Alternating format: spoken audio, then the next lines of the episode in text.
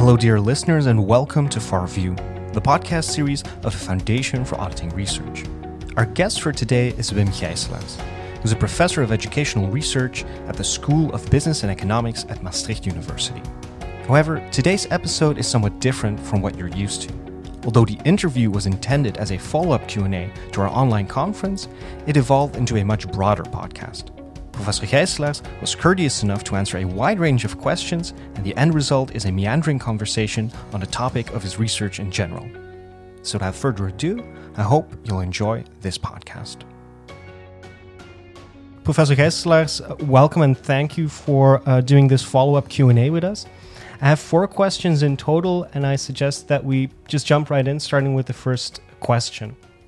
So the first question is what are the most significant drivers for having less reflexivity in the ineffective team's context? Yeah, so so um, that's a very good question actually. So so when we talk about uh, reflexivity, we talk about the issue that uh, teams uh, fail to share or discuss relevant information. or they fail to elaborate and examine the implications of shared information, or they fail to update their uh, prior conclusions or current uh, behaviors. Mm-hmm.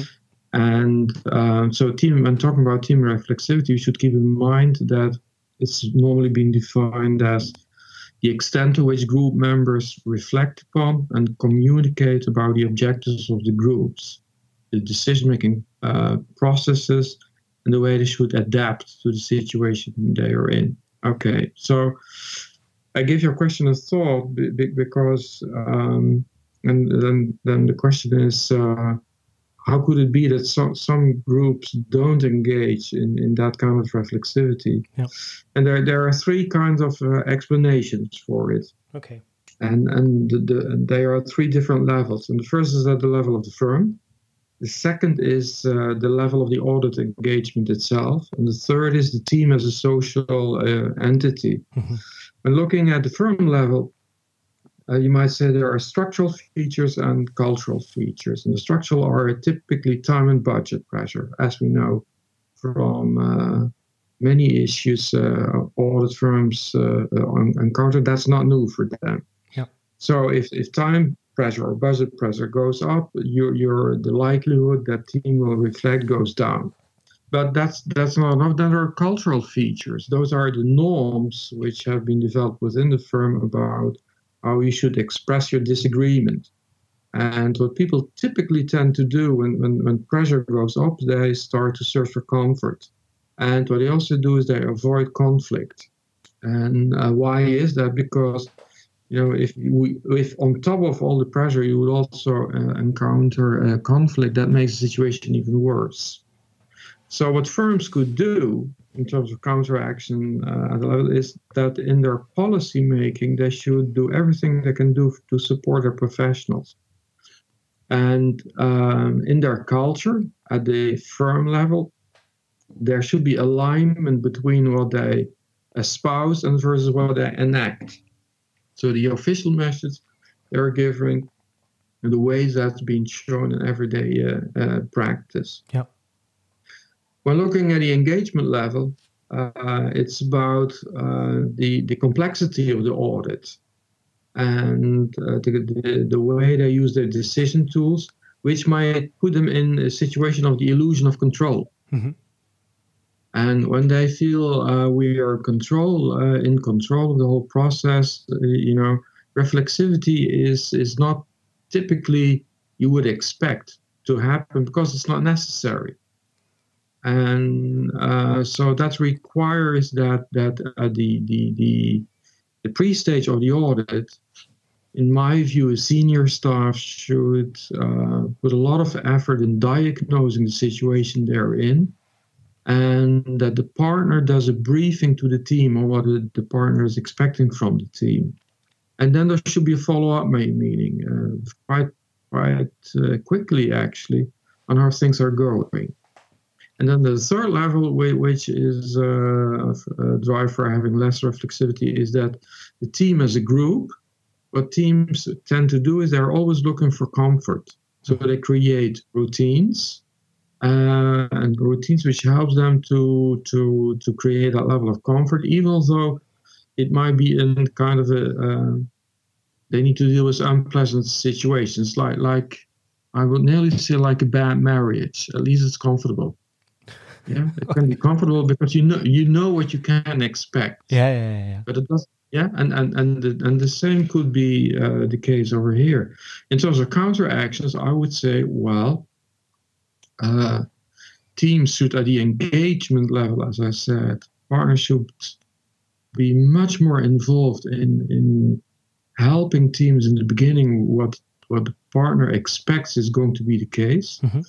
And the second is there should be follow-ups. And and the other yep. is that teams should learn that there is a difference between being comfortable or that's not the same as trusting the other. Mm-hmm. So what team leaders should do is create sufficient level of trust and safety. Yeah.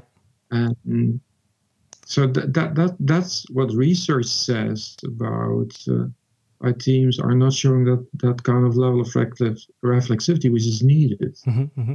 And, and so the, the safety you're talking about, of course, is psychological safety. Yes, yes, it's a psychological safety, but but psychological safety is not coziness. Yeah, yeah, yeah, yeah, yeah. yeah. So they might be it, adverse to to conflict, but sometimes conflict can actually enact positive change. Yes.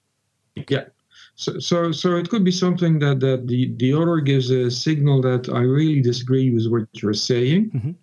and then starts asking, but please, could you explain to me why you're saying this without making it personal? Yeah, this is a very tough thing to do, and um, and therefore I'm saying it's not about uh, creating a cozy uh, situation. Mm-hmm, mm-hmm. It's much more that I know that the other is being critical because the other wants to help me. Yeah, yeah. So this uh, also touches on on something else that you you've analyzed, which is this notion of of constructive conflict, I guess. Yes. And some people might be adverse to the idea of any type of conflict.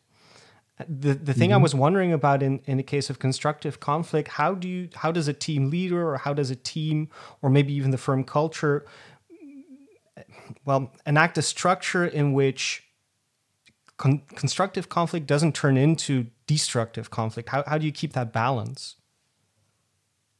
Well, uh, the, the, let me put it this way there are signals where you get a feeling like, wow, this is a great discussion. Mm-hmm.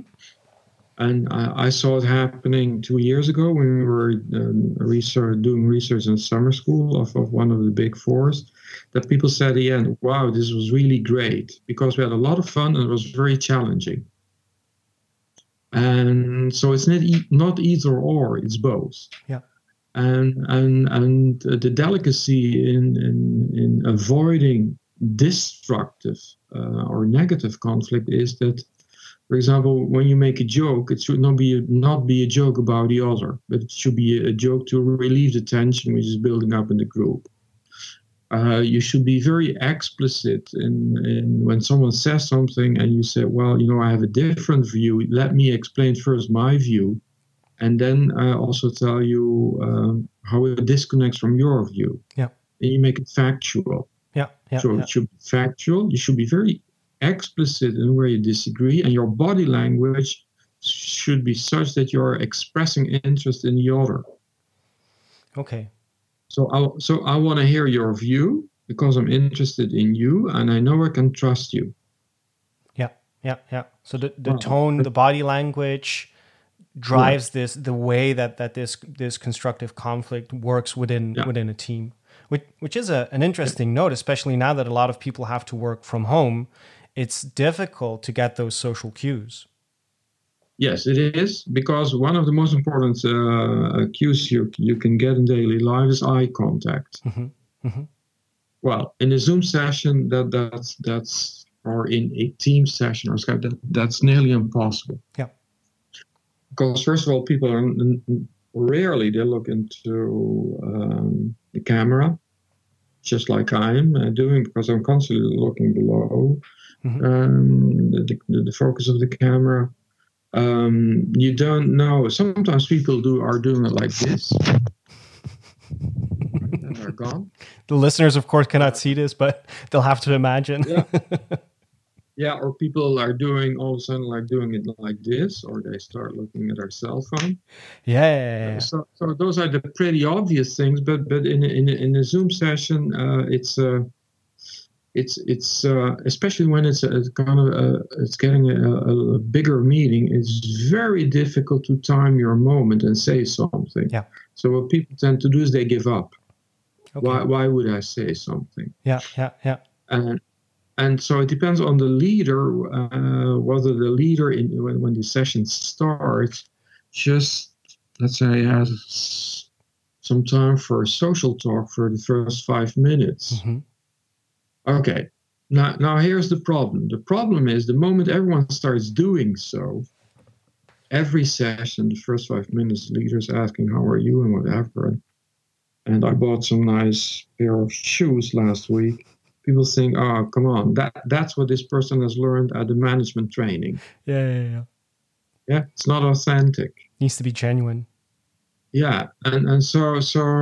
Uh, yes, you need to be you need to be trained in the sense that you need to be aware of the impact you are having on the others. Yeah. Yeah. But it should uh, same should be authentic, and that makes it so hard to to keep engaging in, in video sessions. Mm-hmm.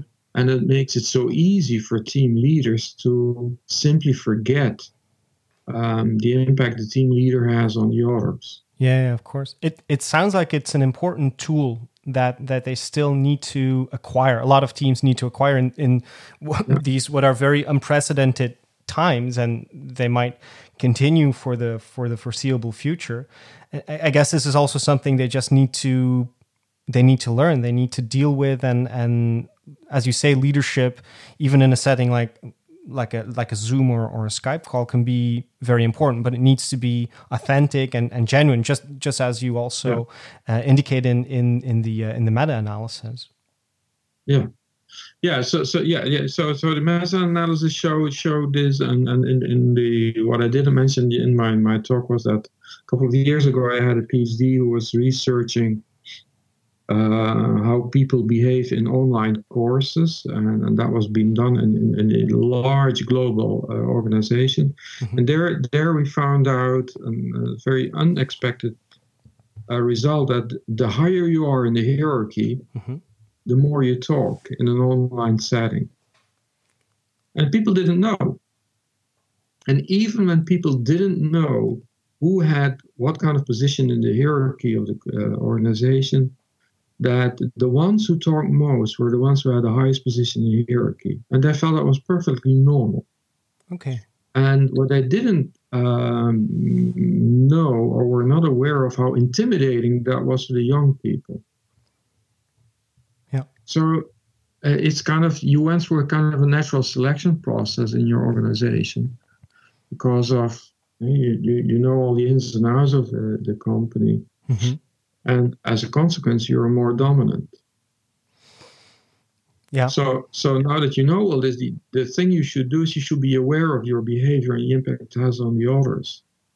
Now and why am i constantly emphasizing that this is so important? Because what i tried to make clear in my, my talk was that there's a very strong connection between how people behave in a group session and the way they perform as a group Okay. So it's a it's a direct mm-hmm. proxy for the, the, actual group dynamics. Yeah. Yes. Yeah. Well, no, well, it's even worse. So the group dynamics are a very good proxy for the way the group forms. Okay.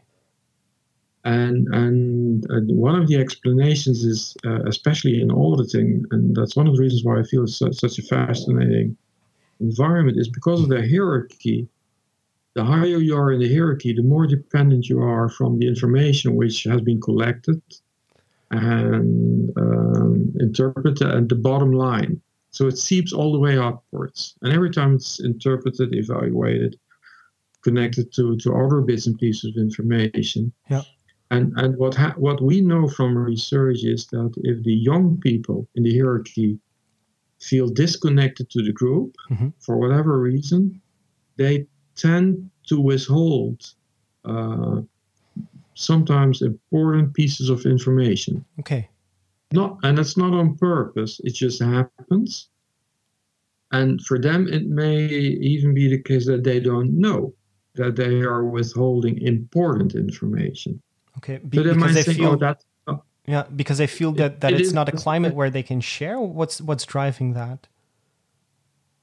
So it could be that they feel like you know what um, it looks like it's um, it probably is not important. Okay. So so why would I speak up? They feel insignificant in a way. Yeah, and they can't judge the importance of the information because they're young. Mm-hmm. They don't know. And and so so why is that reflexivity then so important all of a sudden? Because you you create moments where you at least you attempt to analyze how the group is working, and the difficulty lies in it should not be a discussion where I would say to you, for example, um, I'm, I'm, I notice you are very silent. So that's that's that's that's like a, a, direct attack on someone else. Yeah, it makes it very personal. Yeah, you make it personal. Why are you so silent? Yeah. Please put your join as well. And you feel like you're in in, in, in high school. Mm-hmm. Or a teacher was asking you to say, hey, hey, what are you doing in the classroom? and and and, and so that makes it so uh, difficult for for the team leaders to be aware of the role they play in the group yeah because in a way it's, it's difficult for them to really identify with the position of someone coming in at a, at a much more junior level also. Yeah they forgot. Mm-hmm. they forgot. M- many people just simply forget how it was when they were young. Yeah uh, and and they forget uh, that when a junior person is asking a question, that that might also be interpreted as a signal uh, of I don't know. Yeah, yeah, yeah, They might be afraid to give off that signal because their situation is more precarious than someone who's been in a firm yeah. for many years and solidified yeah. their position. Yeah. So and then and that's why why, why I keep uh, I keep saying that that if there is um, hierarchical audit teams are not paying attention to the social process of the work, the social nature of their work, mm-hmm. they um, run a risk. And the risk is that the information flow is not optimal, yeah. while the partner is dependent on the quality of the information flow. Mm-hmm. Mm-hmm. So when you talk about re- re- reflexivity, it's best to have set protocols you feel where you ha- just have set moments almost like a if you have a very busy life and you have a date night with your wife it, it seems kind of uh, mm. artificial to put it put put that in, a, in an agenda but it, it's good to have a, a, clear schedule for reflexivity in a team or how does that work best? Some would say you need to have a clear schedule. And um, the, what, what i would probably do is uh, as a partner, I, I would put uh, substantial effort in the analysis of um, the client or the audit I need to make at the beginning. Mm-hmm. Then, then sit together with my group and communicate uh, the way I analyze the risks in this particular audit, what I feel is important that they're doing, Yeah. and um, and then I, I would let's say one or two weeks later already I would call in another meeting yeah. and just ask how things are going and by by asking factual questions whether they thought of this have they looked at this mm-hmm. what are their first interpretations I would show from a factual perspective my interest in them yeah yeah yeah I would ask them whether they have seen this before and I would also tell them, you know, I've seen a similar thing before, and then this was the case. What do you expect you will happen? Okay. And and that that's a that's that's a different signal of you know showing that I'm interested in you, than asking you how are you because that's just a hollow phrase. Mm-hmm. With it, and indeed, so what I do is difficult. yeah, it is very and, and what we have what we have seen in, in other research is that um, juniors uh, said to us in the interview studies, uh, I was so lucky with this partner because he knew my name. He always had time for me.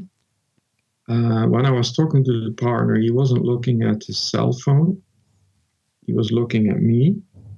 Yeah. And I really felt um, the partner gave genuine feedback. Mm-hmm. So that's so it's very elementary, and that that's also what all this research shows about safety and trust and the importance of leaders is um, that that it's authentic interest in the work you are doing. Yeah.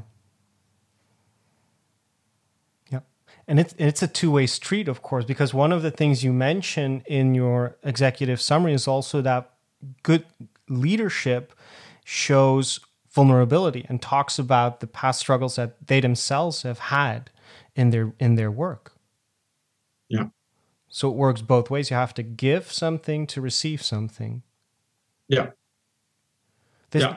So, so, what, what what what partners could do is that that uh, make very explicit that in the past they have seen similar cases, or they had seen cases where everything looked well, and then by coincidence they then noticed certain deviating details uh, uh, or, or where they, they tell a story that typically in this kind with this type of client you might expect this so please do me a favor um, don't take for granted whatever you know the client is telling you about this particular situation yeah and and then you you get a different kind of connection with with the the, the juniors yeah, yeah, yeah.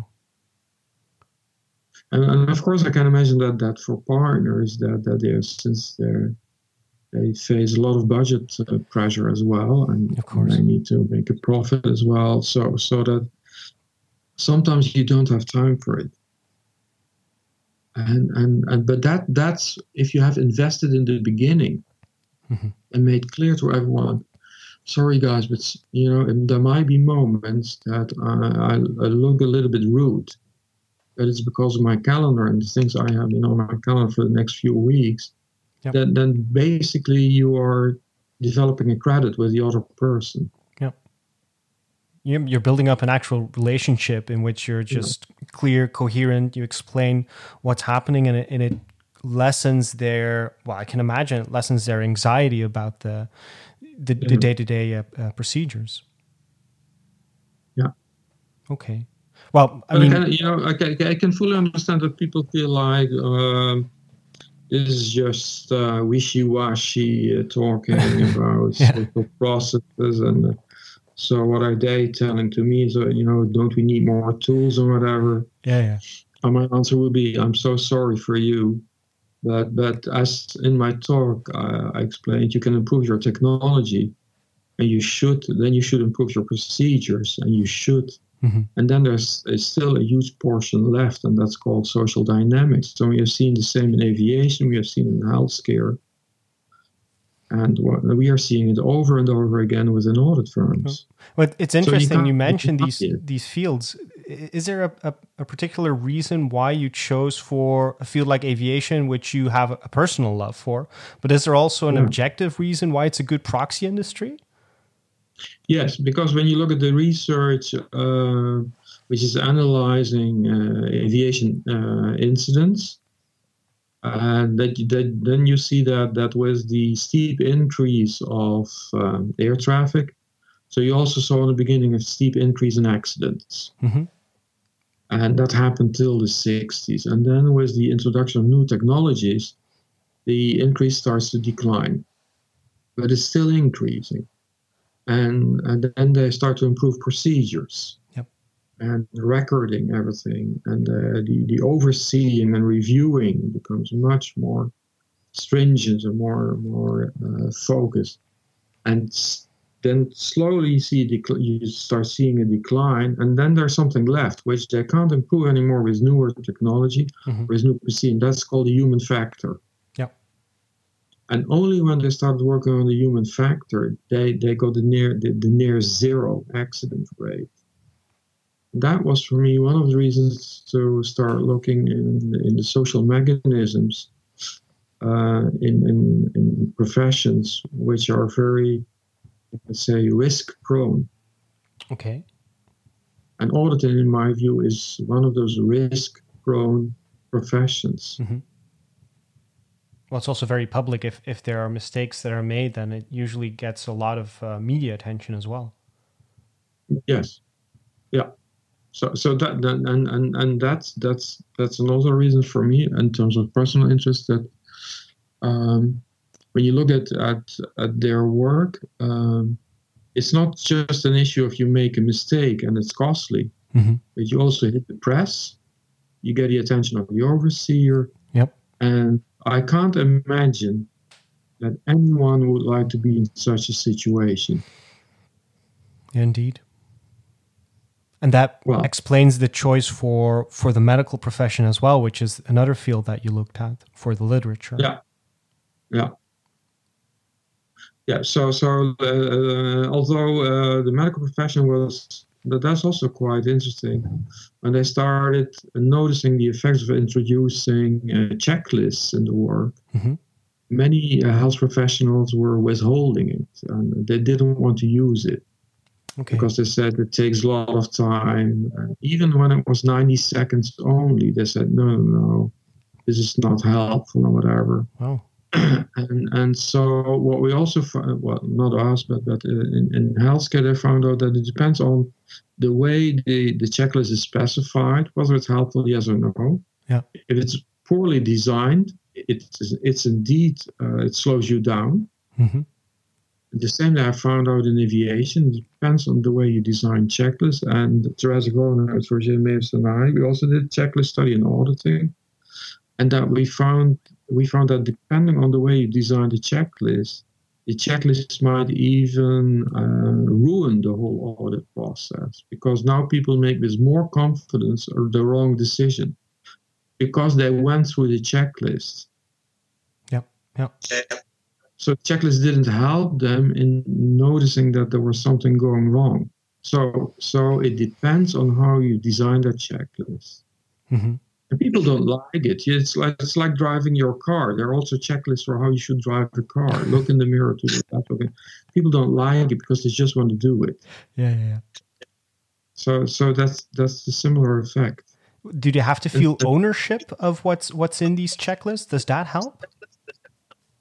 Yes, that helps.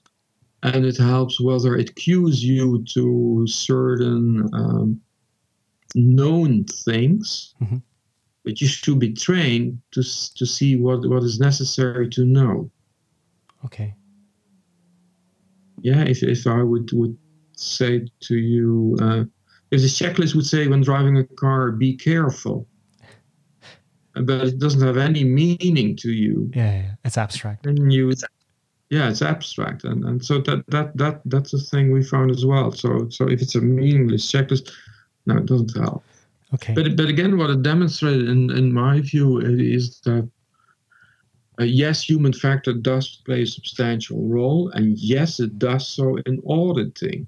Mm-hmm.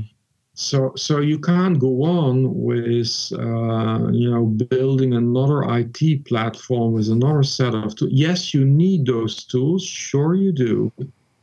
And sure, we should take into account the role of the overseer and legislation. Sure, we do. But then there's still the human factor.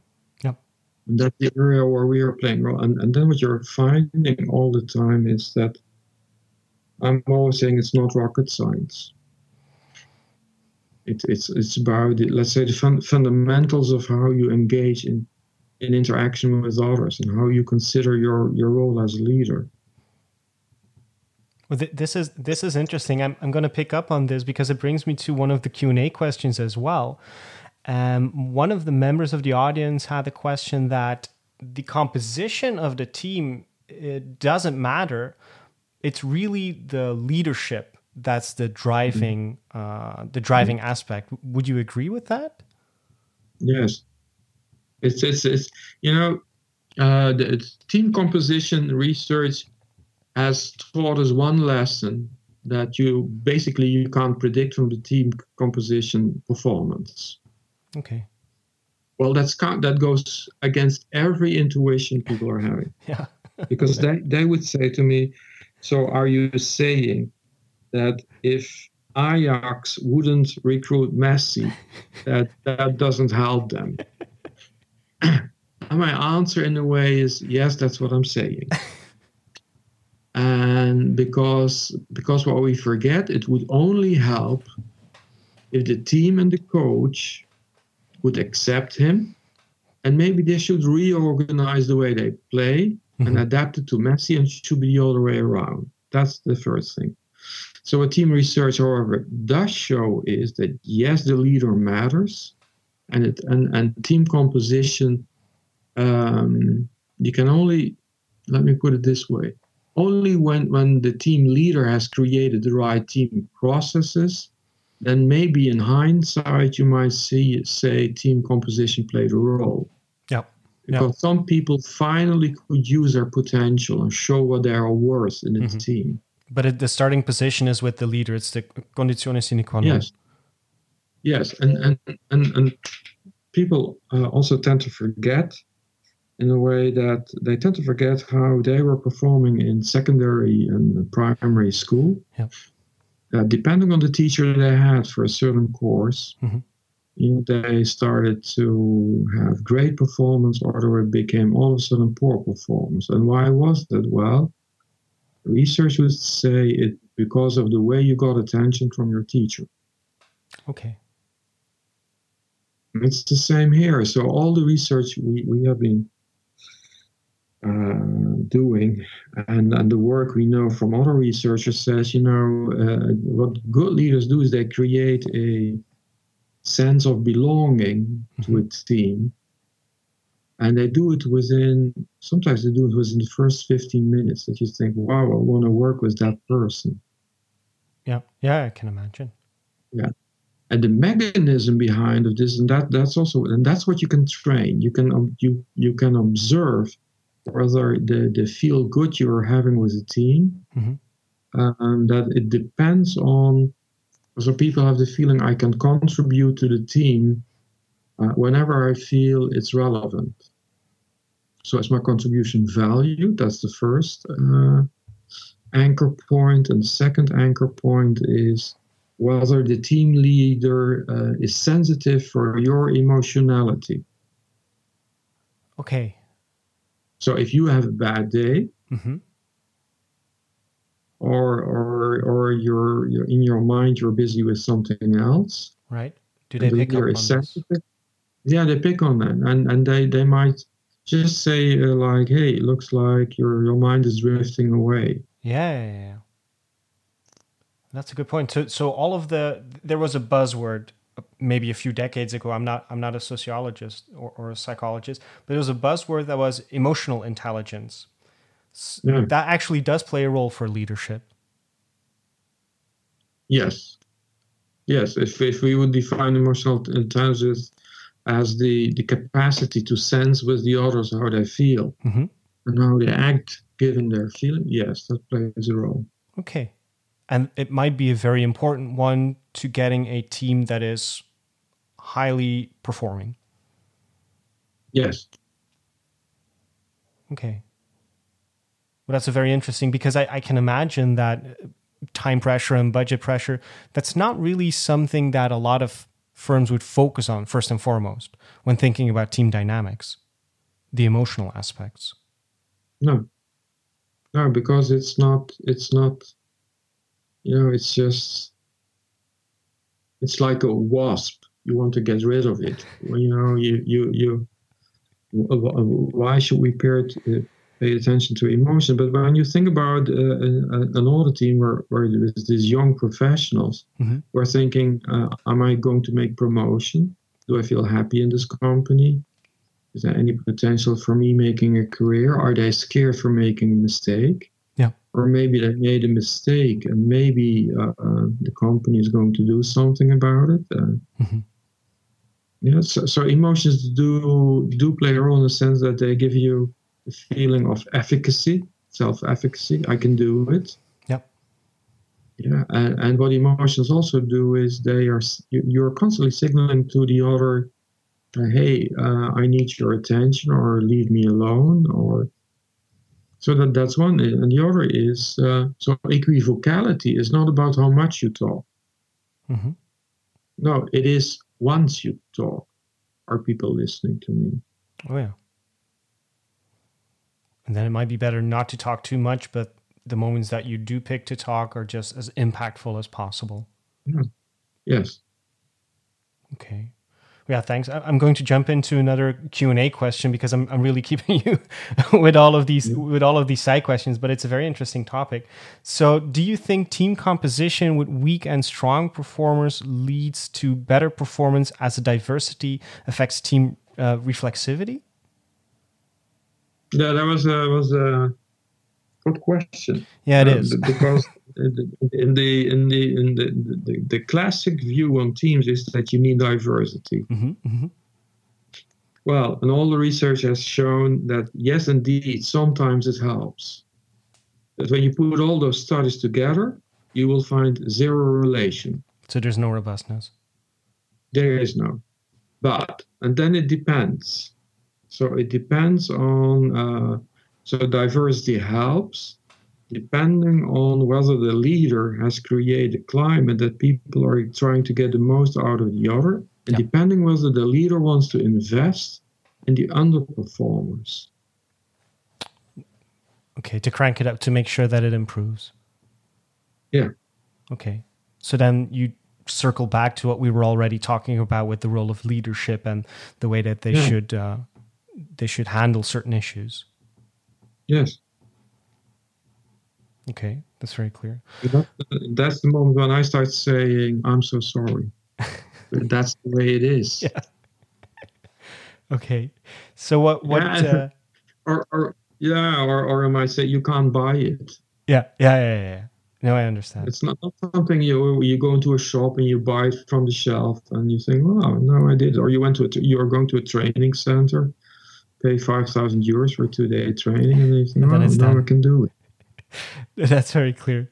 So one of the interesting things about the um, the presentation you gave during the conference, and also the the executive summary or working paper, however we want to label it, is that you had a number of reflections at the end that were not so much on the specific topic of what you studied, but more mm. on on methodologies and and ways forward, which, which I thought was was very helpful. Also for us as an organization, but maybe also for the for the firms to to pick up on.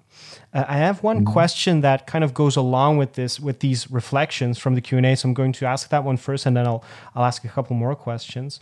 So in the reflections, you mentioned that constructing a shared language is a very valuable asset to building long-term relationships with practice. Mm-hmm. And the question from the audience was uh, one person wonders that if interview results might be more meaningful to both academics and practice if you would use the mm-hmm. words of the interviewees to describe the construct mm-hmm. and not the words of academic theory. He says, if so, mm-hmm. can you give us some examples of which words they used to describe each term? And uh, well, they would ask to, to put it up on a slide, which unfortunately we cannot do now. Yeah, so so that, so um, uh, I guess the question is is about the moment we label something uh, with an academic construct. Mm-hmm. So, what behavior will we notice in practice? Yeah. And uh, so, the, the, the most elementary uh, level when, when it's sharing information in the model. So, highly. so, so, the first finding uh, is there's no difference in the way that people share information in a low performing team versus a high performing team. Okay. Yeah, so, so so so let let's skip that because people talk in terms of amount of facts they got, uh, whether it was the, whether the facts were timely delivered. Uh, they talk about the information they are getting. So, so those are the words: facts and information, whatever. Yeah. yeah. Then the first difference, uh, the first important things are when they talk. Uh, no one talks about co-construction. Mm-hmm.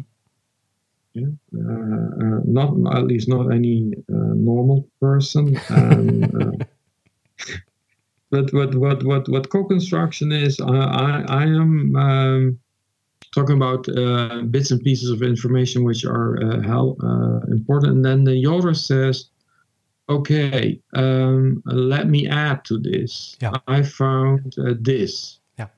So, and the way the interviewees were talking about this was that, that, that they were putting together the bits and pieces of the jigsaw puzzle, mm-hmm. or they were putting it in a meaningful uh, framework, or they were running the tests and, and where they had to collect all uh, necessary elements of information. Yeah, yeah, So people talk about it. I'm doing my part, and they are the, the other person is doing the other part. Mm-hmm. So that's co-construction. Yeah, yeah. And and by the way, they have a language to make clear to the other um, uh, what they are asking. So so they would would say like whatever I asked, I got it. Yeah, yeah. Okay, good. Then you get the level of uh, uh, constructive conflict. Mm-hmm. Uh, people people were saying to us, uh, we agree to disagree.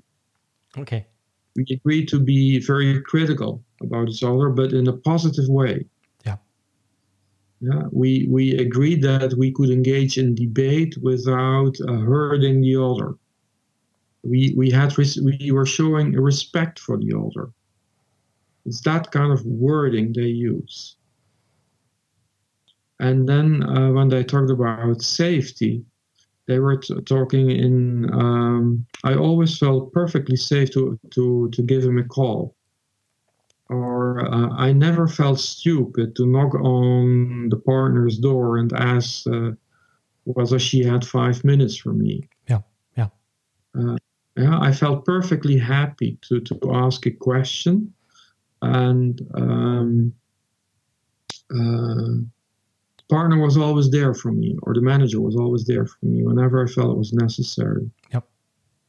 So that's the kind of words people are using when they talk about psychological safety. Mm-hmm. Well, I, I, think one of the concerns, maybe from some of the audience members, is that you would impose um, academic constructs uh, on on practitioners, which is, of course, not not what you're doing. You're interpreting what they're saying and then adding a, uh, uh, an academic um, concept to it to to place it within a certain framework, within a certain paradigm of what you're studying. Of course. Yeah, but so so so in that respect, I felt was an interesting question because mm-hmm. academics that's what academics are paid for. Yep. So they look to the world and then they they attach uh, an academic flag to it and saying this, this is this and this social phenomenon is that. Yeah. But but what we noticed in the uh, interviews, and I felt that's that's that's much more important, is we we interviewed people who had a very good eye for making the, the distinction between an effective versus an ineffective team. Mm-hmm, mm-hmm. And they knew it was not lying in the way people are sharing information. That doesn't say a thing because everyone shares. Yeah. The, because people are trained in doing so. Mm-hmm. But it gets something different when people think, hmm, maybe I shouldn't say so because I don't know. So they start withholding or they are doubting. Yeah. Or they get uncertain. Should I say this? I don't know because maybe it makes me feel stupid. Yeah. Yeah. Or I don't want to. Uh, from what I've seen in, in those interviews, that some people said, you know, uh, I knew we were we were not not collecting what was necessary, but I knew that the moment I I, I raised that issue, mm-hmm. I was slowing them down. That's it. So the, when the, when the person would say I was slowing them down, that's a signaling for uh, unsafety. Yep. Or when people said, uh, "But but I'm the one who was always critical," I felt I was always the negative one. That's the way what people were talking about it. That's also a signal for unsafety Yeah, yeah. or at least perceived unsafety because of course there's there's not yeah. only the, the group culture but also within the individual what they uh, what they project on a certain situation. Yeah. Okay.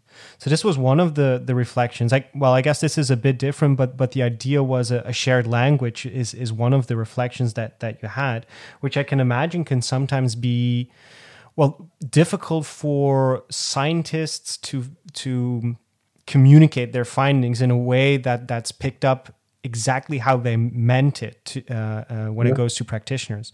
They have a very different yeah. world that they live in. Yeah.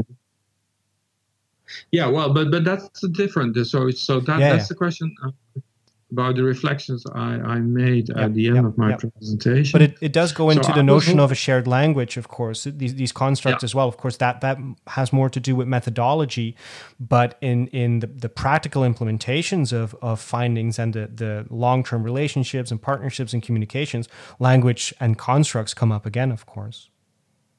Yeah, but my plea was uh, what I would recommend Mhm. the Foundation for Audit Research is that whenever you do research, they is to try to step away from their current model. Mhm. The researcher has a great idea, and then he thinks, hmm, I might test it in practice. Yep. Because it helps me in theory development. Yep. And I was saying that's not the way to go. That's something that the university should do, and uh, that's what they're paid for in society. Mhm. And I was saying that that um, FAR should try to create a situation that would make them unique, where the firms are creating their questions together with the academics, Yep. such that the uh, when the answers are there, that it helps both the academics and the firm. And my experience is that it takes many, many years before you have learned to accept and respect the other party. Yeah, I can imagine. In a way, it goes back to co-construction, right? But you're you're co-constructing a, a, a research question, and there's a lot of, um, well, there, there's a lot of mechanism working behind the, the eventual research question. Oftentimes, you only really solidify your research question the moment your research is done, because then you know what, what you've actually answered. Um, um, but but but this this building up of, of long term partnerships, I guess you can take a lot of what you've discussed on on the effects of of learning and sustainable learning behaviors. Um, psychological safety and all of these other aspects into into that environment as well Mhm. Yes, you, you could be because um, from what I've, I've learned uh, in working with audit firms, it, it takes several years before you understand their language, Yeah. their concerns, and and then then then it also takes time before you think, hmm, it, the way they are talking about it, that looks like it might fit in that particular theoretical framework. Yeah. All of and when the moment that that happens you have the connection. Yeah yeah. Because we are both winning in doing the research. Hmm there's a clear And- trade-off. Yes. And and and what it does it creates the it it it, it improves the in ownership with the firm. Mhm. and for me but that's more maybe a personal thing uh i love it the moment i see that my theories work Yep. Yeah, I can imagine.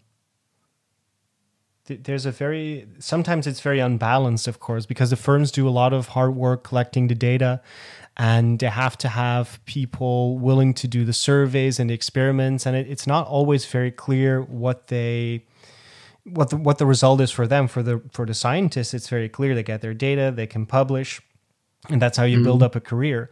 But for the firms, it's it's more of a long term uh, a long term investment, and and then it, both parties are really benefited by by building up a partnership in which you mm. assess which questions should be asked, what's most relevant for them, and then also connect it to to a feedback loop where they get results that that they can actually implement and and work on. One of mm-hmm. the things I found interesting, and maybe we'll we'll do this as the as the closing question. I've kept you for way too long. Um, you propose a type of clinical research methodology going forward. What do you mean exactly with that in, in the reflections?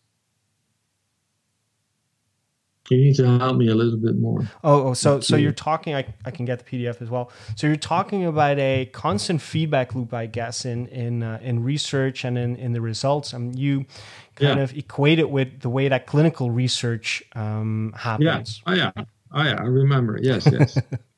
yeah. Now I remember. Yeah. Yeah. Yeah. Yeah. So so so so what I was saying was that I feel that um, business researchers Mhm. could learn a lot from the way clinical research has been organized. Yeah, yeah, So so uh, in the in, in healthcare, there, there's a clear cut divide between what the clinicians do, that's, that's focused on action. They need to do something, but it should be based on science. Mm-hmm.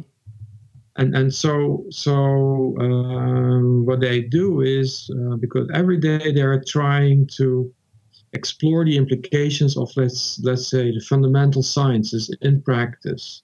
Yeah.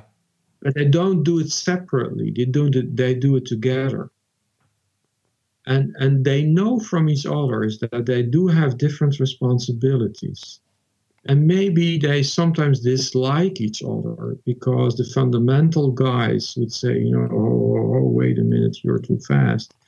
And the clinicians think but i need to act. Yet they know that they need each other and that makes them great in my view.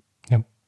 in business we are still in a situation and i hope my colleagues will forgive me in a way, that we think that uh, we are we are the ones who own the theories, mm-hmm.